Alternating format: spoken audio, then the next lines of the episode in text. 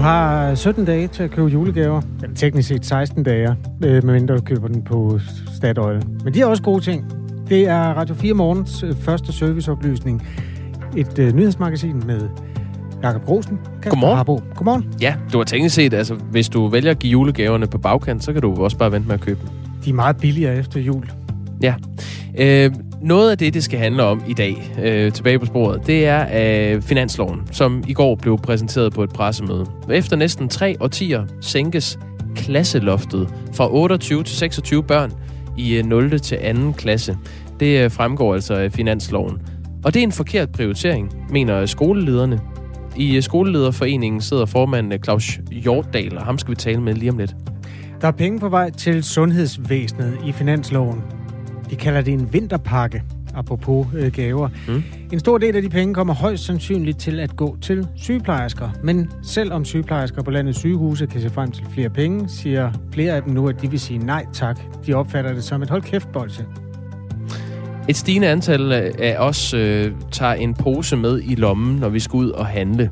Øh, EU's målsætning for plastikposer var et forbrug på under 40 poser per borger om året.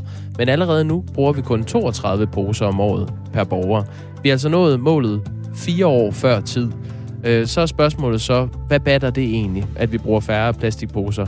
Det kommer vi til at tale med en ekspert om lidt øh, over halv syv.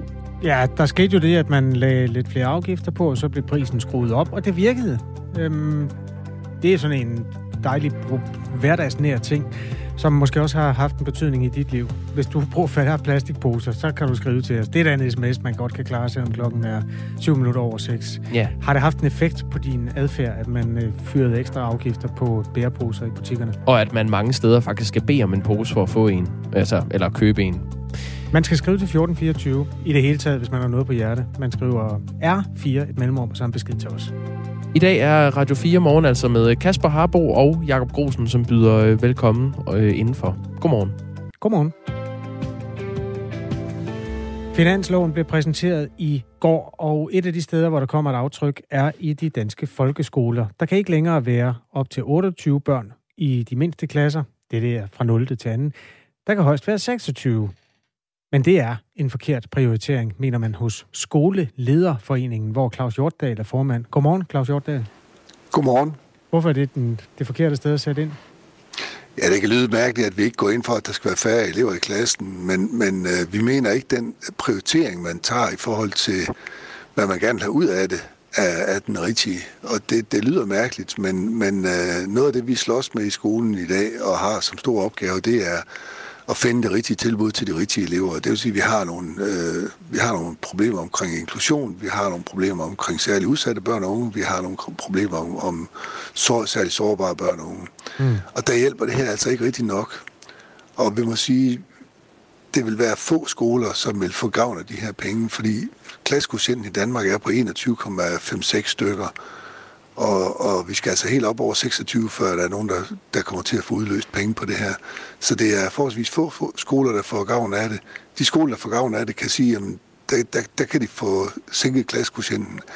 Jamen, vi tror bare på, at hvis vi kunne få lov til at have ressourcen, så vi kunne lave holddeling og have to voksne ordninger ind i klassen og, og lave nogle forskellige tiltag, mm. så ville det komme mere, eleverne mere til gavn, end at sidde med en enkelt lærer. Men er det ikke pære, banan og Claus Hjortdal, det der? Altså, der er jo selvfølgelig en, en masse steder, hvor man kunne gøre det endnu bedre i folkeskolen, men det her, det er jo en tilkendegivelse af, man vil i hvert fald ikke have de der øh, burhønse-lignende tilstande i de små klasser. Er det ikke et godt signal at sende?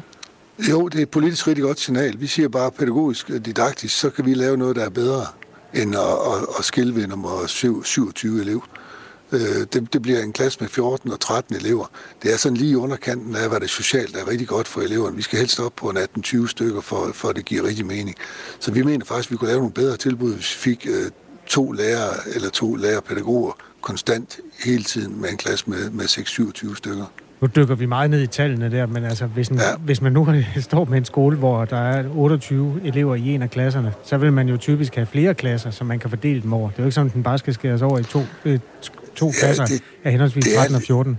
Nej, det er rigtigt, men det er lidt op og ned, fordi der findes også øh, landkommuner, hvor, hvor man får lov til at presse øh, op til 30 elever ind, fordi man ikke har to klasser, og så får, så får man dispensation. Så altså, vi har mange forskellige øh, virkeligheder derude. Men vi siger bare, det, det er fint, at politikerne gerne vil til gode se skolen, men de skulle nok have snakket med os om, hvad der vil have størst effekt. Det er altid det, vi arbejder på i skolen. Det er, har det effekt for eleverne. Det vil have en vis effekt for de få elever, som får gavn af det her. Med de penge, de kunne være spredt anderledes ud, så, så der er flere, der måske havde gavn af det. Øhm, lad blive lidt ved det, der var din ønskeseddel, altså hvor du så ikke er blevet imødekommet. Hvad har I, hvordan, hvilke flag har I hejst i, i den her debat, der er gået forud for finanslovsforhandlingerne og finansloven? Jamen, vi har gjort politikerne opmærksom på, at øh, der mangler ressourcer i folkeskolen. Det ved de også godt. Vi sidder sammen med de politiske forlispartier og sidder og snakker om, hvordan skal skolen udvikle sig. Og et af de helt store temaer, det er inklusion, som, som vi skal have styr på. Og der må vi sige, der har vi sparet for meget på specialundervisningsområdet og på den mulighed for at kunne inkludere flere elever. Og det, det, det ved man godt politisk, så øhm, vi har gjort det meget opmærksom på, det der vi, vi har brug for, for penge. Det er jo en bizarre situation, at vi står med en øh, formand for skolelederforeningen, som øh, får tilført øh, penge til folkeskolerne. Er du ikke den mindste smule tilfreds her til morgen? Jo, jo, jo, jo. Jeg er meget tilfreds med, at det, det, og jeg, det er helt sikkert også et politisk godt valg at sige, at vi skal sænke klassekvotienten. Vi siger bare, at ude i virkeligheden, så, så vil der være mange skoler, som vil uh, kunne få lavet nogle bedre tiltag for børn og unge, med, med, hvis de fik lov til at få ressourcen. Nu skal det jo siges, det er ikke vedtaget det her, fordi det skal igennem forligskredsen, fordi mm. alt, hvad der ligger i folkeskoleafdelingen, øh, hvis der skal ændring, så skal det være, så er det forligsbelagt. Så det vil sige, at forligskredsen skal også nikke til det her. Så det kan jo være, at de siger, at vi får en frihed til at vælge, om vi tager den ene eller den anden model. Så det er i virkeligheden det arbejde, du er i gang med nu? Det kunne godt være lidt af det politiske arbejde, jeg laver lige nu, ja. Hvem er din varmeste kilde, eller din varmeste kontakt i de politiske kredse? Ja, men jeg har kontakter i alle politiske partier, men det er helt klart, altså det her, det er jo, øh, hvad skal man sige, det er vedtaget af et, øh, finanslovsforlig, som er, i den røde blok, så der findes også folk over på den blå blok, som kunne have nogle meninger omkring det her. Claus Hjortdal, øh, tillykke med det løft, og fortsat god arbejdsløst. Vi kan mærke, at det ikke er helt færdigt endnu. Tak fordi du var med. Det er ikke helt dødt endnu, nej. Tak for det. Godt. Godt, ja. Hej. Claus Hjortdal er formand for øh, den forening, som altså er skoleledernes sammenslutning, hvor de arbejder for sådan en større strategisk plan, de danske folkeskoler. Klokken er 13 minutter over 6, og du hører Radio 4 morgen.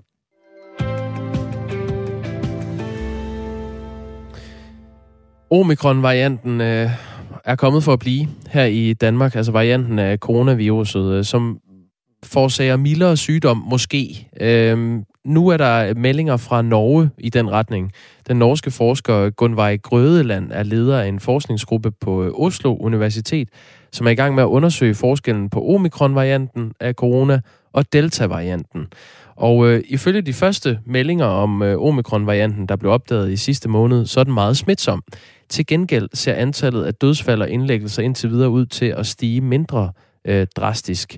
Og øh, der siger øh, seniorforskeren her fra Norge, en øh, coronavariant, der spreder sig hurtigere og giver mildere sygdom, er det bedste, vi kan håbe på.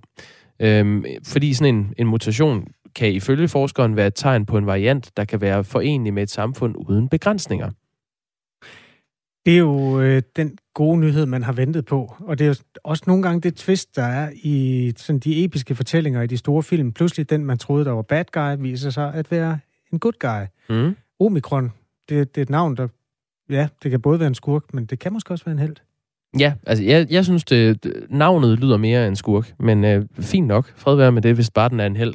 Øh, der er jo forskere over hele verden, der lige nu kæmper for at øh, finde ud af, om den her variant øh, giver hårdere symptomer, eller om det er det samme, eller om den øh, er mildere end, end Delta. Vi havde jo i fredags et interview med øh, Christian Kanstrup Holm, som er biolog og immunolog på Institut for Biomedicin ved Aarhus Universitet, som øh, sagde det samme, altså at meget kunne tyde på, at det her det kunne godt være det, man kalder en blessing in disguise. Det, der er problemet, er jo, at der er gået godt to uger, siden vi hørte ordet, øh, ordet eller bogstavet er det jo faktisk, omikron, mm. første gang, bortset fra dem, der er rigtig gode til græsk. Øh, og, og altså, hvis man kigger tilbage på den første bølge af corona, den allerførste, så gik der jo flere måneder fra flagermusen landet i Kina, til vi egentlig var klar over, hvad vi stod med i Danmark. Så det, det kan godt være at våge det ene øje og sige, at den er ufarlig, ikke? Jo, jo. Præcis. Vi, altså, vi ved, vi ved det ikke. Jeg tror bare, der er mange, der... Øh, eller, jeg ved, der er mange, der håber, og det håb kan jo godt komme til udtryk ved, at vi så er klar til at sige, nu er det nu. Nu er det slutningen på øh, pandemien. Og det er jo sådan, det gik med den spanske syge, som også muterede sig, gav mildere symptomer, og så var det slut med den. Hvis jeg lige må smide en lille smule malurt i den grød, så oh. var der jo en anden bølge af den spanske syge, som var den værste overhovedet. Altså, mm. den startede med at være træls, så var den decideret forfærdelig, og så blev det bedre derfra. Det bliver godt igen på et tidspunkt. På et eller andet tidspunkt gør det. Nå, det er i hvert fald seneste nyt i den sag. Vi går efter at få et interview med en, som kan gøre os lidt klogere på det, øh, også her til morgen. Hvis man lader blikket glide ned over det græske alfabet, så kan jeg godt ærge mig over, at der er nogle af bogstaverne, der ikke har fået en coronavariant. Altså, vi er jo sprunget direkte fra D, delta, mm. til O, omikron. Mm. Og det betyder, at hverken theta, kappa eller lambda har fået en uh, coronavariant opkaldt efter sig. Men det har de faktisk. De har netop fået coronavarianter opkaldt efter sig. De var bare ikke rigtig værd at gøre noget ved. Okay. Så de er allerede nu gået i glemslen. Jeg kan sige, at hvis man interesserer sig for græsk, så kan man glæde sig til øh, rho, sigma, tau og ypsilon i de kommende fire bølger. Ypsilon. Det, det kan blive både en Det er en grim en. Antihelten Omikron er der en, der skriver på 1424, som har startet sin besked med R4 et mellemrum. Tak for antihelten i den forstand, at den er, ja, den er, den, den er lidt anløben, men den kan være en hjælper i den sidste ende. Ja, lad os sige det. Okay.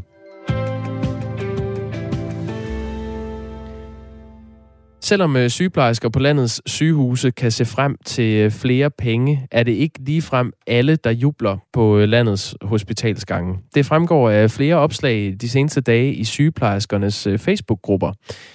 Pengene kommer fra finansloven, hvor regeringen har afsat 1 milliard øh, med aftalepartierne til regionernes sundhedsvæsen i en øh, såkaldt corona-vinterpakke. Og en stor del af de penge kommer højst sandsynligt øh, til at gå til netop sygeplejerskerne. Anna Korsgaard er en af slagsen, sygeplejerske på Rigshospitalet. Godmorgen. Godmorgen. Du vil sige nej tak til flere penge, hvis du bliver tilbudt mere i løn på den her baggrund. Hvorfor det? Jamen, det gør jeg øh, øh, altså først og fremmest. Den største grund, det er, at det er en utrolig usolidarisk løsning, øh, fordi den er jo kun målrettet nogle af os. Altså nu vil jeg selvfølgelig kun tale på sygeplejerskernes vegne. Nu øh, er der jo også en masse andre faggrupper, jeg jo ikke vil øh, underkende, men øh, fra sygeplejerskernes side, så findes der jo flere end dem, der bare arbejder på, på hospitalerne. Der findes også en hel masse ude i kommunen, der arbejder ude i uh, borgernes eget hjem, som jo også er udsat for corona, hvis det selvfølgelig er den vej, vi skal gå. Men øh, nu, nu handler det jo primært om, om underbemanding, og det ser man jo alle steder, og øh, det kommer ikke til at være alle, der har mulighed for at tage imod de her penge, eller har mulighed for at blive få dem tilbudt. Og det synes vi ikke er i orden, fordi vi vil jo gerne have et, øh, et varigt lønløft til alle. Men der er, jo, der er jo tale her om, om penge til midlertidige uh, tiltag, og anvendelsen af midlerne kan til gode se alle personalegrupper i sundhedsvæsenet, uh, står der i aftaleteksten, så det gælder ikke kun for sygeplejerskerne. Uh, det er regionerne, som står for at fordele pengene. Uh, det lyder sådan her, altså finansminister Nikolaj Vammen sagde sådan her, da aftalen blev præsenteret. Formålet er, at det skal være til gavn for patienterne og skabe bedre forhold til vores ansatte, så vi samlet set kan løfte vores sundhedsvæsen. Øhm, hvad skal der til for, at du kunne sige ja til at få mere løn? Øhm, det skulle først og fremmest være en, en bredere ordning. Øhm, nu arbejder jeg selvfølgelig selv på hospital, så det her vil jo nok komme til at, at omfatte mig, men jeg synes bare ikke, det er okay. Øhm, så længe det ikke er os alle. Øh, jeg vil helt klart have en meget bredere øh, løsning, hvor at, øh, det er os alle, og øh, det skal også på, på det andet være noget lidt mindre kortsigtet. Øhm, fordi at når, hvis, hvis det bare er over de næste par måneder, så, øh, så er det jo helt klart kun til arbejdsgivers fordel, fordi så står vi bagefter og har måske bare fået et par håndører over de næste par måneder og kæmpet endnu en kamp. Og det eneste, der er sket, er, at, at arbejdsgiver er kommet hele skinnet igennem det. Altså selvfølgelig kan man selvfølgelig sige, at øh, patienterne har jo forhåbentlig også kunne få gavn af det, men, men altså som, som faggruppe står vi sådan lidt bagefter og, og, og igen kan gå tomhændet herfra, uden Men, den veje. Jamen, der er jo nedsat en lønkommission, som, som skal undersøge den del af det, altså hvorvidt der er et, et efterslæb, som skal, øh, eller mm. kan blive, blive rettet op på et tidspunkt sådan mere øh, permanent. Men her er der jo tale om, at sygeplejerskerne som faggruppe siden foråret først har strækket, dernæst øh, nedlagt arbejdet i kampen for bedre forhold og højere løn, og nu får I det så faktisk i en periode. Øh, kan du forstå, hvis man har lidt svært ved at se, hvad det egentlig er, I er utilfredse med? Øh, ja, altså jeg er, jo, jeg også bange for at komme til at lyde enormt utaknemmelig, øh, fordi at det, det er virkelig rart, at der nu kommer øh, fokus på det her, og der bliver gjort noget. Så altså, det vil jeg sige først og fremmest tak for til jer alle sammen ude i verden. Det, øh, det, øh, vi er glade for, at der, at der sker noget. Øh, det, det er bare desværre nok den forkerte løsning, især fordi, at øh, hvad jeg kan forstå, og jeg ved godt, at det ikke er fordelt mellem regionerne endnu, øh, men jeg kan jo forstå, at det kommer til at være ekstra penge til ekstra arbejde. Og det er jo ikke noget nyt, at, at vi, det er vi jo færdige med, øh, fordi vi er jo, det er, altså, vi er simpelthen for trætte. Vi kan ikke blive ved med at arbejde over og arbejde over. Øh, og det er jo det samme, der sker nu, øh, som Mette Frederiksen sagde til sit pressemøde for et par uger siden.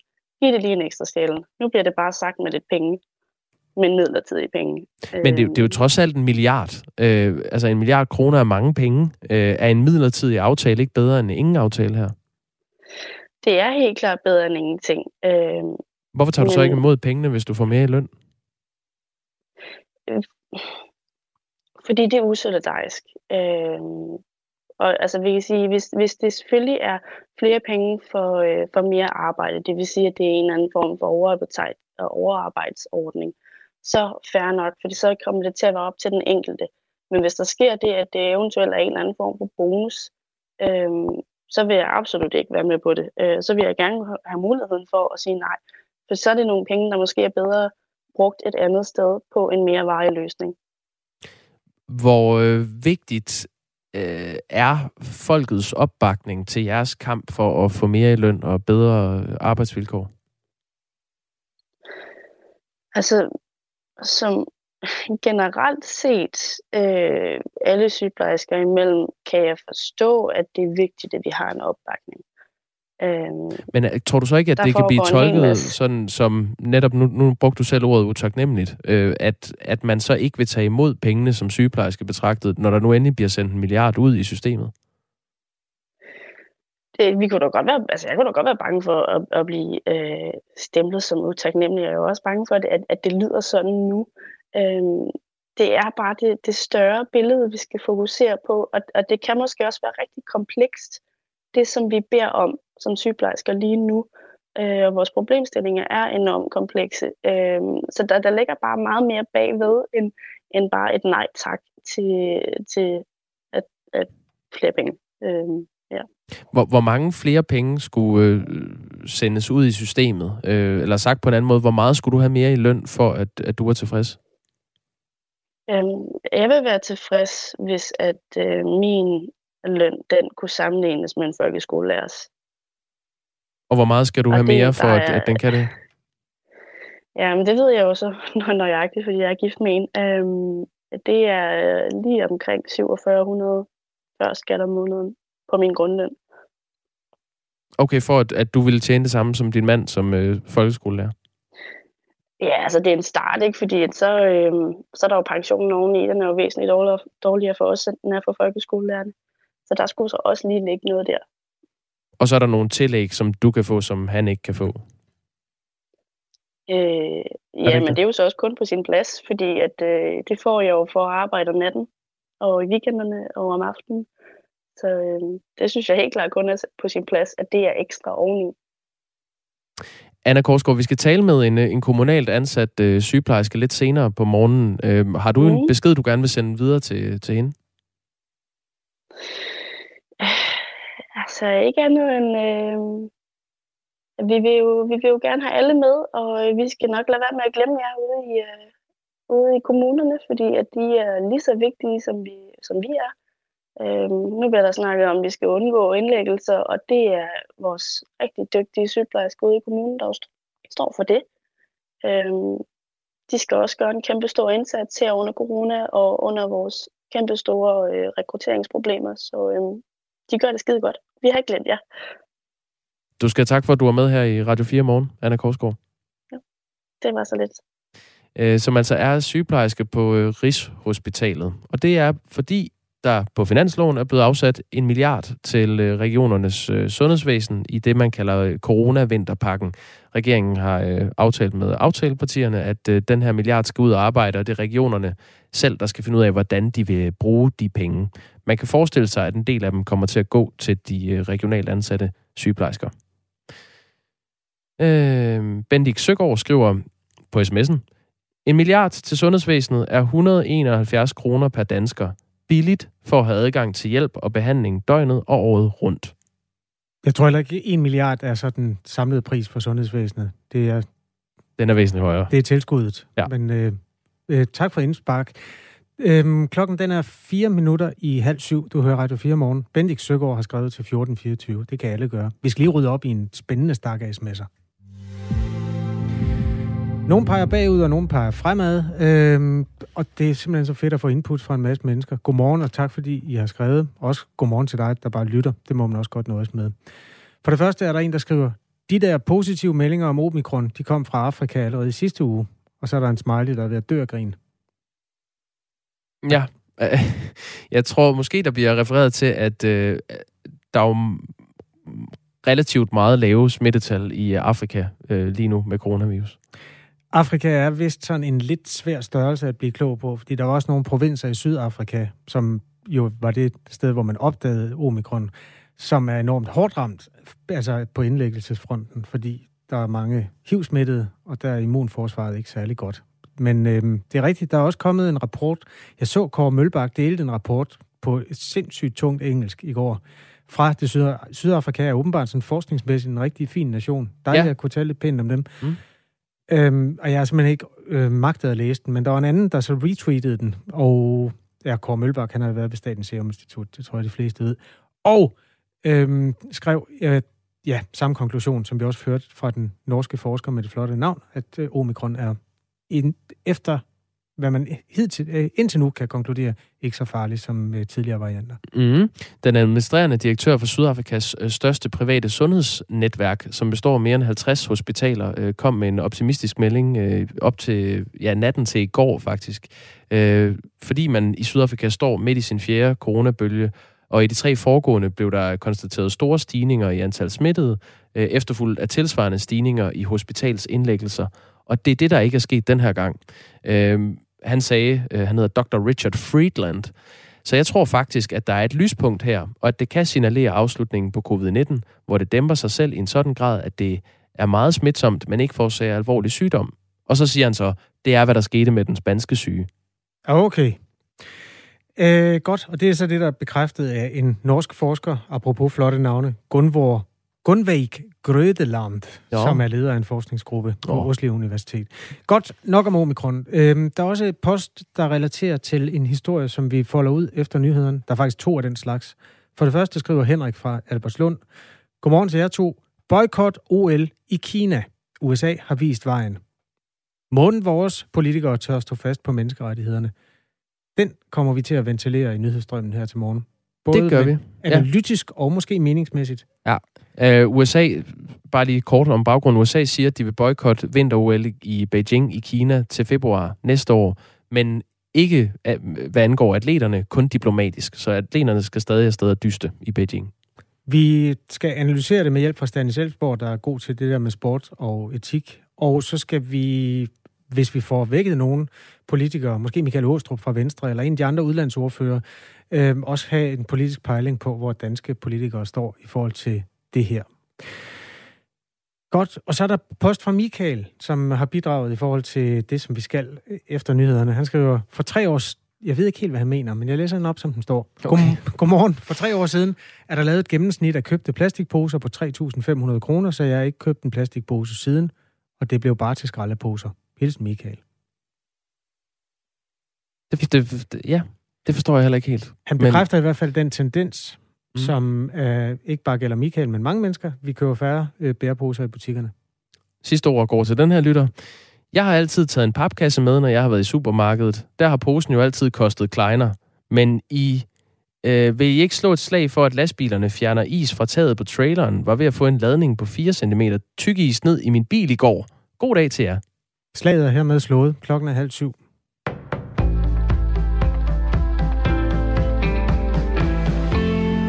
Viborg dropper kravet om isolation for en del af kommunens ansatte. Styrelsen for Patientsikkerhed opfordrer kraftigt til, at personer, der er nære kontakter i tredje led til omikron-smittede, lader sig teste og isolere. Styrelsen understreger dog, at det ikke er en ordre eller et krav, men en anbefaling.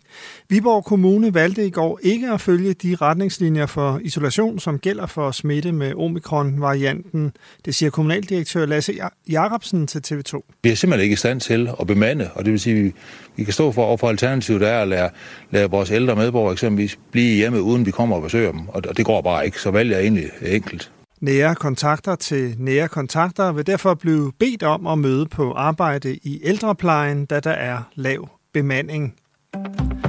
Markant flere har anmeldt voldtægt i år i forhold til de tre foregående år. Det viser tal fra Rigspolitiet, skriver politikken. Udviklingen skyldes en ny samtykkebestemmelse, der trådte i kraft i januar. Det vurderer analytikere hos det Kriminalpræventive Råd, Jonas Manov. Når vi ser så pludselig og markant en stigning på så kort tid, tænker jeg, at det i betydelig omfang er effekten af den nye lovgivning, siger han til politikken. I 2018, 19 og 20 var der omkring 1400 anmeldelser om voldtægt om året. I år er der frem til 6. december blevet indgivet knap 2000 anmeldelser. To mænd er i nat ramt i endnu en skudepisode i hovedstaden. På Twitter skriver Vestegnens politi, at betjente er talstærkt til stede i et område i Herlev. De to mænds tilstand kendes ikke, og politiet har ikke andre oplysninger i sagen. Der er heller ikke nogen meldinger om anholdte. Skudepisoden er den fjerde på mindre end en uge i hovedstadsområdet. Danmark bør boykotte vinter-OL i Kina på linje med USA. Det mener Venstres udenrigsordfører Michael Ostrup Jensen, efter at USA i går meldte ud, at landet gennemfører en diplomatisk boykot af lejene til februar. Fordi det sender det stærkest mulige politiske signal til det øh, desværre øh, meget dårlige skridt, som det kommunistiske styre i Kina har lavet, både i forhold til Hongkong, øh, men det de også gør, øh, skal vi sige, resten af verden med deres mere og mere aggressive adfærd så mener jeg, at der simpelthen er behov for, at vi laver den afstandstagen, som en øh, politisk boykot vil være. En diplomatisk boykot betyder, at USA ikke vil sende officielle politiske repræsentanter. Atleter fra USA vil dog fortsat deltage. USA boykotter OL på grund af forfølgelsen af uigurerne, en muslims befolkningsgruppe, som bor i Xinjiang-provinsen i Kina. Frankrig lukker diskoteker og natklubber i fire uger på grund af et stigende antal coronatilfælde, der lægger pres på landets hospitaler. Det meddeler premierminister Jean Castex. Thomas Sand fortæller. De fire ugers lukning gælder fra weekenden. I de seneste uger har vi alle haft en tendens til at sænke paraderne, siger den franske premierminister. Det betyder, at Frankrig, som de fleste andre lande, har oplevet en stigning i antallet af nye smittetilfælde, Regeringen skærper også kravene om brug af mundbind i skoler og regler om at holde afstand til andre, siger Castex. Hvis man vil spise på et af de udendørs julemarkeder, skal man vise et negativt testresultat eller bevis på vaccination. Men i modsætning til i Tyskland og Østrig, der har indført restriktioner rettet mod uvaccinerede personer, er der i Frankrig ikke strengere tiltag for befolkningen generelt eller for dem, der ikke har taget imod en vaccine.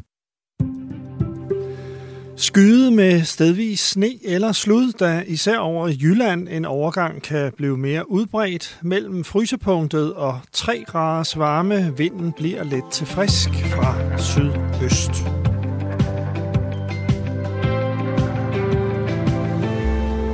Godmorgen. Jeg har stort set stoppet med at købe plastikposer, når jeg handler. Ikke på grund af miljøet, men fordi jeg er nærig. Jeg tager papkasser i stedet for. Alt det pap kan jeg så brænde af i olietønden i haven. Hilsen, ølkusken. Fremragende.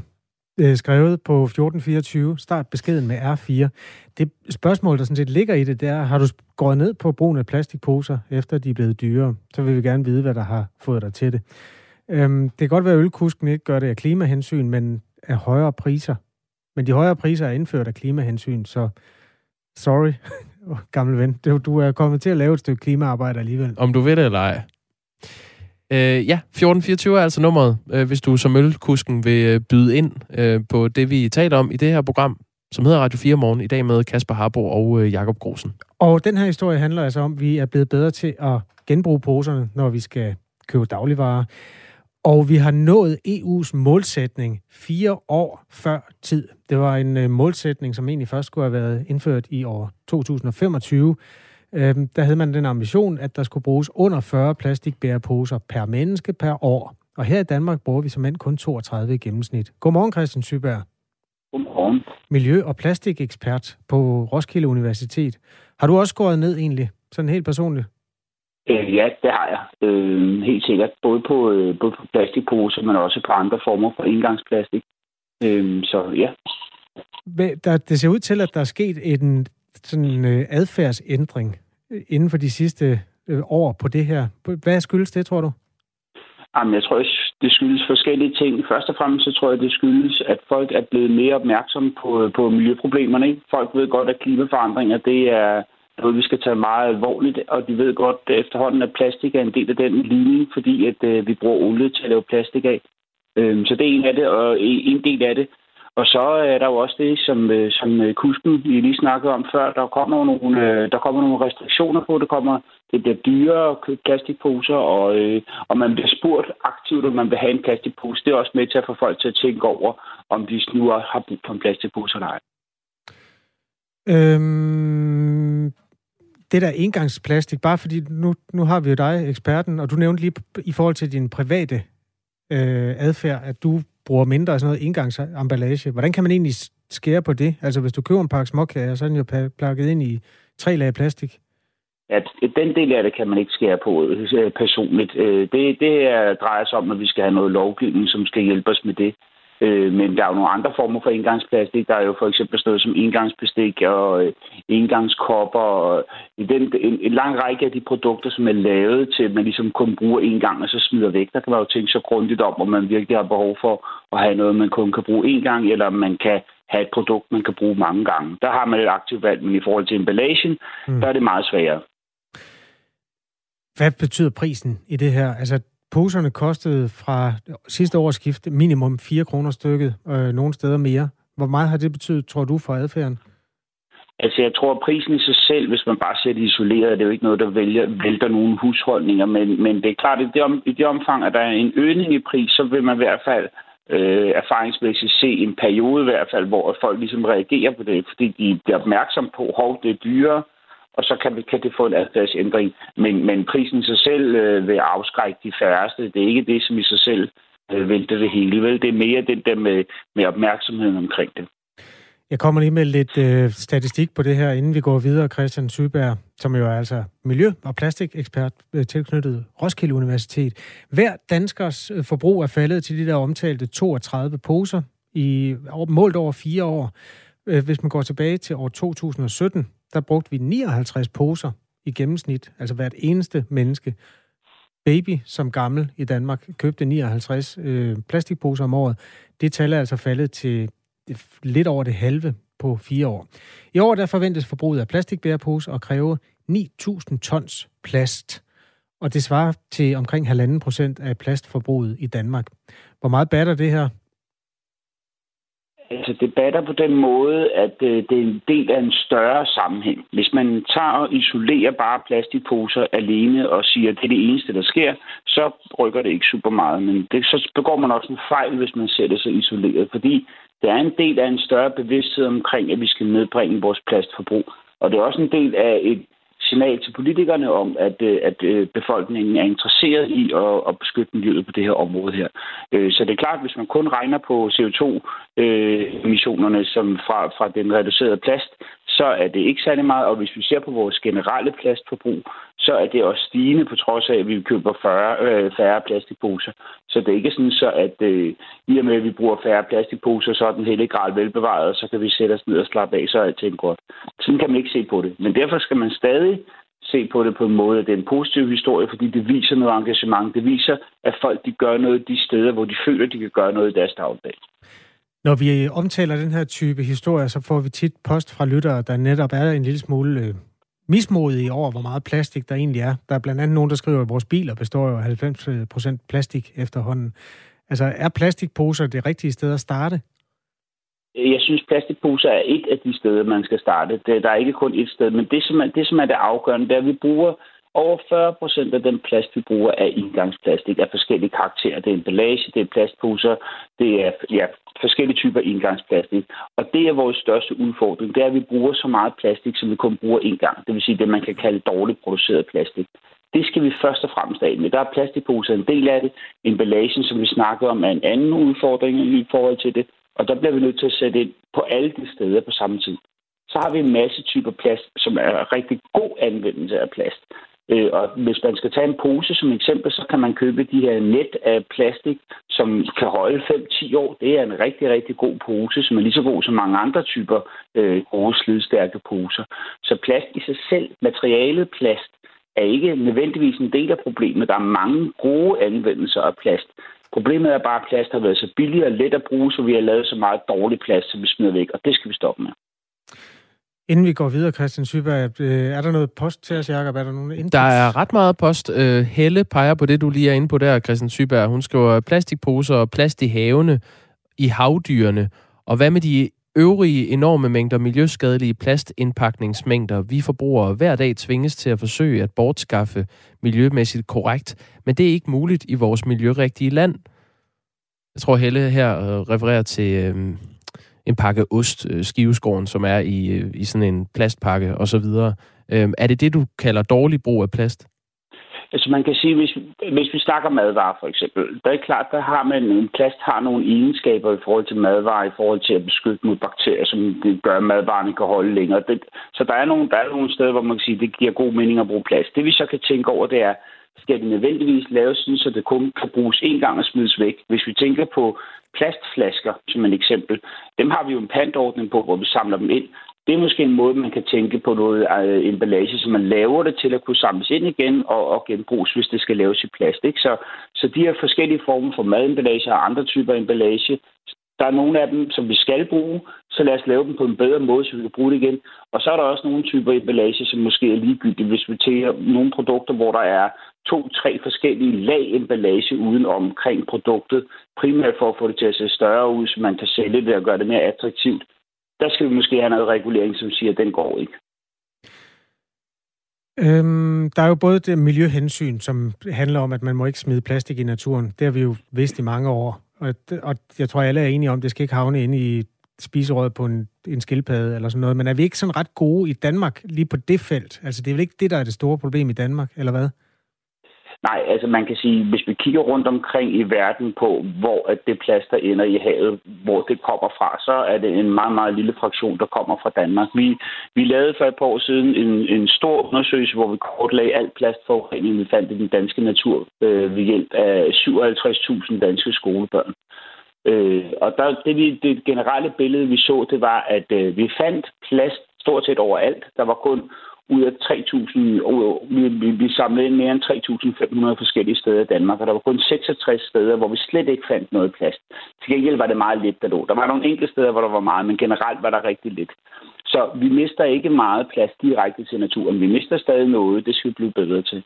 Men, men det, der er vores udfordring i Danmark i forhold til plasten, er, at vi brænder det af. Hvor meget batter det på CO2-regnskabet at øh, halvere forbruget af plastikposer? Ja, i sig selv, så er det jo ikke, fordi det er det, der, vil, der, der, der ændrer det hele. Det gør det ikke. Øh, det er en del af et større hele. Det er den måde, man skal se det i. Hvis vi isolerer det til kun plastikposer, så er vi ikke nok. Og det er også derfor, at det er vigtigt at være opmærksom på, at, at vores plastforbrug er stadig stigende. Det kan det her, det ændrer den her reduktion i plastposeforbruget. Det ændrer ikke på, at vi stadig har en stigning i det overordnede plastforbrug. Det sagde Christian Syberg, som er miljø- og plastikekspert ved RUK. Tak fordi du var med her. Ja, selv tak. Klokken er 6.44. Tak for en masse post, der er kommet ind på den her. Er der flere sms'er, vi skal til? Mm, ja, jeg synes, vi skal tage nogle af dem. Det er vidnesbyrd fra et levet liv. Øh, Løstrup skriver, brug af plastikbærepose. Jeg er værre end Carsten Ræ. Jeg mindes sikkert, at jeg købte en pose. Jeg har dog en fra øh, Dales øh, varehus, som jeg har brugt en gang imellem. Har altid hjemme lavet mulepose i lommen. Mine børn kalder mig McNary. Måske, men jeg har det så godt økonomisk. Hilsen Løstrup. Jeg forstår fuldstændig, hvad han mener. Ja, altså det føles som at få en dumme bøde af en rocker, at man skal betale 6 kroner for at have mulighed for at fragte sin varer ud af supermarkedet. Det er jo derfor, man skal huske et eller andet, man kan bære dem i. Mm. Jeg kører tit en vasketøjskurv også, faktisk. Det fungerer meget godt. Som du så er stående i bilen ja. og kører vognen ud til at læse op i? Jamen, jeg bruger ikke vogn. Jeg er så meget køber jeg ikke ad gangen. Nå, okay. Øhm, Iben skriver, jeg konkurrerer med mig selv og har første gang i et år haft nul køb af plastposer. Jeg hader med vasaler at være tvunget til at købe plastemballage, og der er alt for meget af det. Det er jo et, et felt, der jo øh, sådan er meget ideologisk for nogens vedkommende, men omvendt, så er det også bare et, et felt, hvor man meget nemt kan føle, at man gør en forskel. Det synes jeg faktisk er meget rart. Jeg har interviewet en kvinde, der hedder Gitte Marie, der bor i Aalborg. Øh, hun er kendt under navnet Gitte Mary, og det er hendes uh, gittemary.com. Hun har hjemmeside og YouTube-kanal og alt muligt.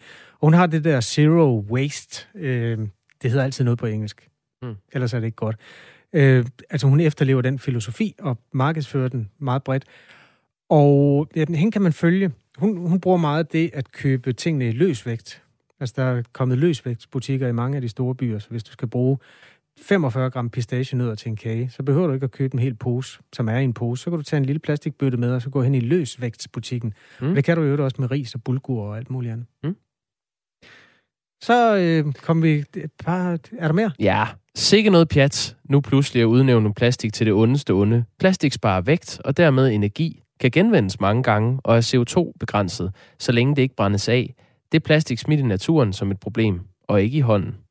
Men jeg tror, det er der, hvor vores ekspert Christian Syberg, eller alle menneskers ekspert, øh, RUK, øh, miljøplastikseksperten, han talte om det gode plastik og det dårlige plastik. Det, der ja. bliver genbrugt, er det gode plastik. Det, der bliver brændt af eller smidt ud i skildpadderens maver, det er det dårlige. Giver lige den sidste til Aske fra Midtjylland. De sidste seks år har jeg stort set kun brugt IKEA-poser, som holder endnu. Før det brugte jeg en rygsæk. Miljø er til dels årsagen, men det er også mere praktisk med en pose, der ikke er enormt svag, skriver øh, Aske. Klokken er 6.47. Tak for alt det dejlige post, der er kommet ind på nummer 1424. Sendt fra mobiltelefoner. Man skal bare lige starte sms'en med R4 og et mellemrum, så kommer den ind til Jakob Grosen og Kasper Harbo.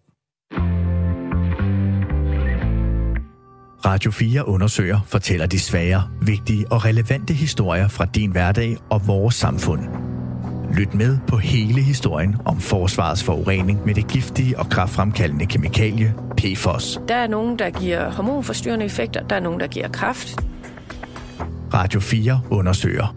Lyt med på torsdag kl. 13.05 eller efterfølgende som podcast, når det passer dig. Radio 4 taler med Danmark.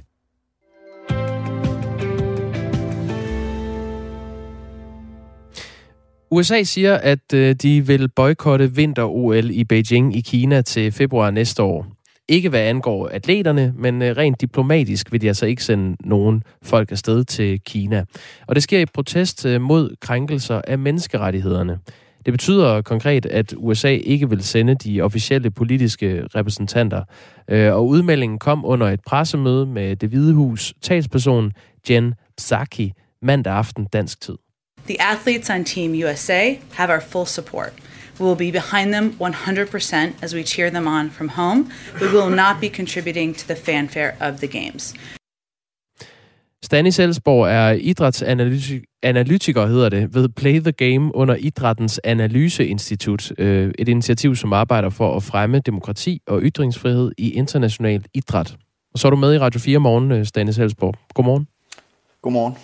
Hvorfor kommer den her udmelding om et øh, diplomatisk øh, boykot nu, tror du? Ja, men den kommer jo nok oven i en øh, lang, øh, ikke overrække, men en lang periode, hvor USA og Kina har krydset klinger i den absolute øh, storpolitik, og så tror jeg, at øh, USA i den henseende jo har brug for at sende et øh, modsvar over for den supermagt, der tror dem mest øh, på det store marked, og det er Kina, og øh, der tror jeg, at USA har fundet sit øh, hul i deres behandling af uigurerne og kan sende øh, brege fingre mod deres øh, menneskerettighedssituation i Kina. Ja, USA begrunder blandt andet den her diplomatiske boykot med en protest mod folkedrab og de øh, forbrydelser mod menneskeheden, der foregår i øh, Xinjiang, som er den provins i Kina, hvor befolkningsgruppen øh, uigurerne øh, bor. Jeg kommer med lidt fakta, øh, Selsborg. Øh, Kina beskylder uigurerne, som øh, hovedsageligt er sunni-muslimer, for at stå bag en terrorkampagne. Og til gengæld beskyldes Kina for at stå bag masse fængslinger, masse overvågning og undertrykkelse af den her øh, befolkningsgruppe. FN og flere andre organisationer har beskrevet, hvordan en million uigurer og andre muslimske mindretal holdes fanget i interneringslejre i Kina. Og de her lejre er ifølge Kina oprettet for at modvirke ekstremisme. Men ifølge en rapport fra tænketanken New Lines Institute for Strategy and Policy, som udkom øh, tidligere i år, så bidrager de her øh, lejre altså til folkedrab. Hvor stor en effekt tror du, sådan et boykot har, når man øh, alligevel vælger at sende atleterne afsted? Ja, men den kan have mere eller mindre stor effekt. Altså, som udgangspunktet er det en symbolsk handling, hvor regeringsledere og statsledere rundt omkring i verden kan vise deres utilfredshed over den måde, Kina øh, behandler uigurerne på. Men det er meget, meget sjældent, at man på den måde kan tvinge Kina til at ændre retningen ved at blive væk fra et øh, sportsarrangement. Men er det nogensinde sket? Nej, jeg vil sige lige præcis, Kina har jo ikke øh, til vane at rette sig ind efter, hvad Vesten nødvendigvis synes, øh, og øh, nu er de en stor magt, og på den måde er situationen også en anderledes, anderledes end den var i 2008, da de afholdt øh, sommer i Beijing dengang. Der havde man brug for den internationale opbakning og anerkendelse, og der var det vigtigt for dem, fordi de var en kommende stormagt og en kommende storpolitisk magt, så derfor var det vigtigt, at man fik de højeste øh, statsledere øh, at se på tribunerne, som kunne ligesom legitimere det kinesiske styre og anerkende, at de var en del af internationale øh, samfund. Hvad tror du er årsagen til, at USA ikke vælger helt at boykotte OL, altså også at holde atleterne væk fra Kina?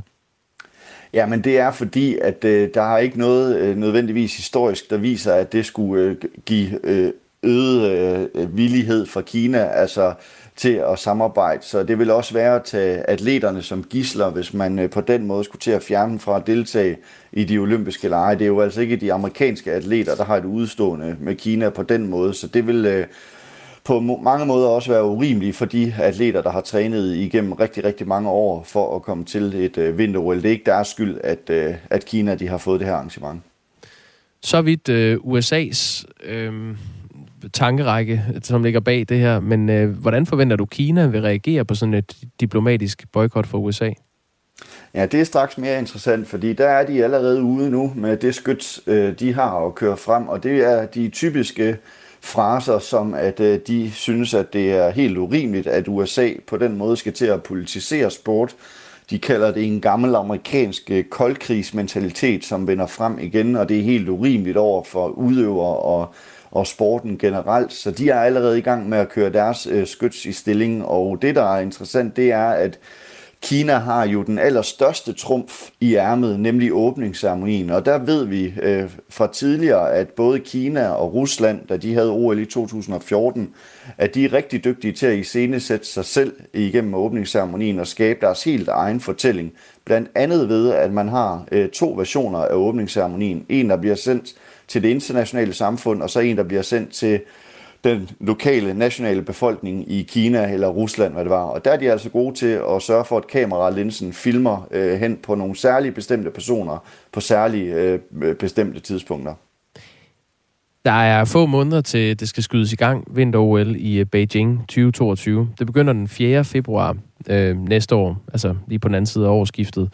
Øh, tror du, det her amerikanske diplomatiske boykot kan betyde, at flere lande, lande også vil øh, boykotte Ja, det tror jeg godt, det kan. Altså, der er USA trods alt en stormagt og øh, en allieret for rigtig, rigtig mange lande. Øh, USA's problem i øh, det her, det er jo, at øh, Kina efterhånden også er mange allierede og støtter. Og øh, nu bliver det interessant, hvordan og om verden kommer til at dele sig op igen, og om vi rent faktisk får lidt koldkrigstilstanden, som vi gjorde i, i, øh, under, den, under den kolde krig, fordi at Kina har jo rigtig, rigtig mange lande, som tilslutter sig dem, også nogle store magter. Altså Rusland har ytret, at øh, Putin han kommer til øh, åbningsceremonien i, Be- i Beijing i februar måned, så det bliver interessant at se, hvilke lande der går hvilke veje, øh, og øh, jo ikke mindst også, hvilken vej Danmark går.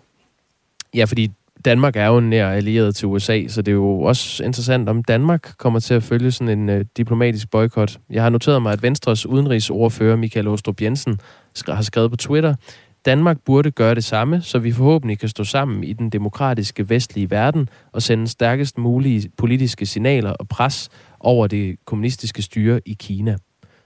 Tror du, det kommer til at ske? Jamen, det er jeg mere usikker på, fordi at øh, kulturministeren også har et andet stort arrangement, øh, hvis det er hende, vi skulle sende afsted, nemlig VM i Katar øh, senere på året i 2022. Og hvis man vælger at blive væk fra Kina, ja, så er det jo næsten givet, at man også skal vælge at blive væk fra, fra VM i Katar. Men man, man må også anerkende, at øh, udenrigspolitik og storpolitik kommer altså i sidste ende til at trumfe idrætspolitikken. Og med det mener jeg, at man inden for for forskning snakker om det, der hedder idrætsdiplomati, at ved mange af de her store sportsbegivenheder, der foregår der også meget, meget store diplomatiske aftaler. Så hvis Kina lige pludselig lægger op til, at der skal forhandles nye handelsaftaler eller andet under det her OL, så kan det jo øh, være en vigtig beslutning for en dansk øh, øh, politiker at tage afsted. Men det ved vi ikke, og inde bag de døre, der, øh, der får vi sjældent indsigt. Men vi ved, at fra andre store sportsbegivenheder, at der er sket meget, meget store handler og aftaler under øh, de her sportsbegivenheder. Så den funktion har de også. Vi kommer til at gå efter at få en øh, politisk reaktion øh, senere på morgenen her i øh, programmet. Stanis øh, Elsborg, du skal have tak for, at du er med. Selv tak. Altså idrætsanalytiker ved Play the Game, som hører under Idrættens Analyseinstitut. Øh, Play the Game er et initiativ, som arbejder for at fremme demokrati og ytringsfrihed i international idræt.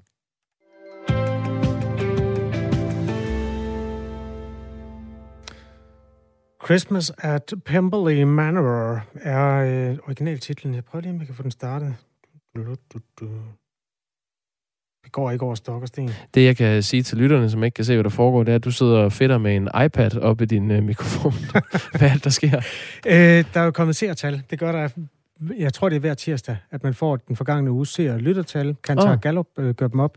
Og jeg er altid meget interesseret i, hvordan det går på øh, Nordic Entertainments øh, kanal 3 Puls, ja. som jo går i julemode omkring Sankt Hans og sender julefilm fra nærmest fra gulv til loft. Ej, det er de ikke helt gjort i år, faktisk, hvis jeg skal afmontere din historie lidt. Jamen, det skal du ikke, Nå, for de okay. sender mange. Okay. Og øh, den mest sete, det er den, der hedder Byens julefejring, også kaldet Christmas at Pemberley Manor, som man jo ikke kan se, når man har lyst på Via Free. Men ikke desto mindre var der øh, søndag aften 31.000 mennesker, der satte sig til at, at se den. Det er lige så mange, som der bor i hele Slagelse. Måske er det hele Slagelse. det kan godt være. Jeg har lige fundet plottet. Ja.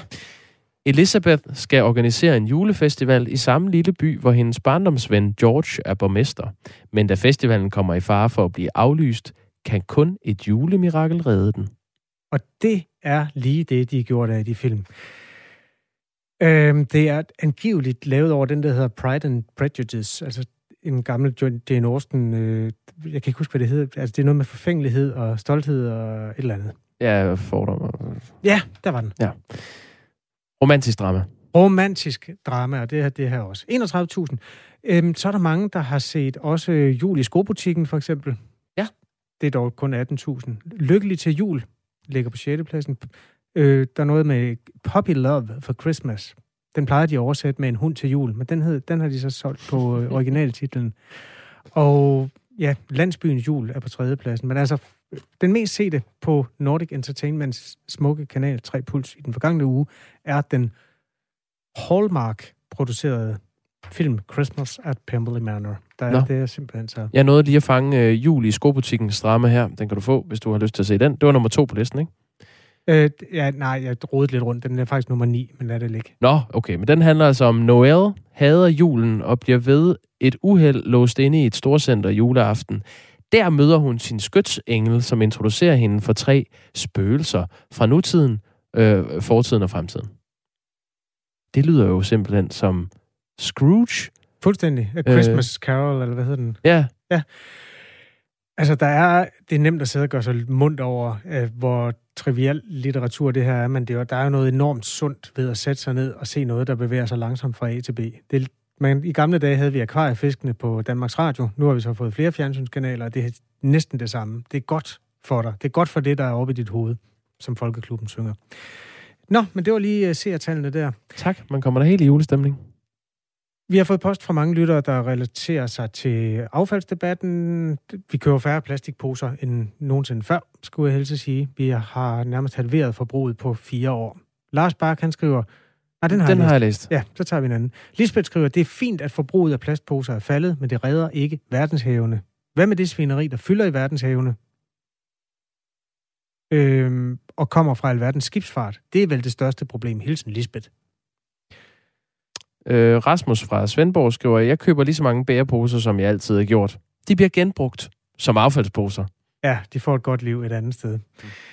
Tak for sms'er på 1424. Du lytter til Radio 4 morgen med Jakob Grosen, Kasper Harbo og nyhedsvært Henrik Møring klokken er syv.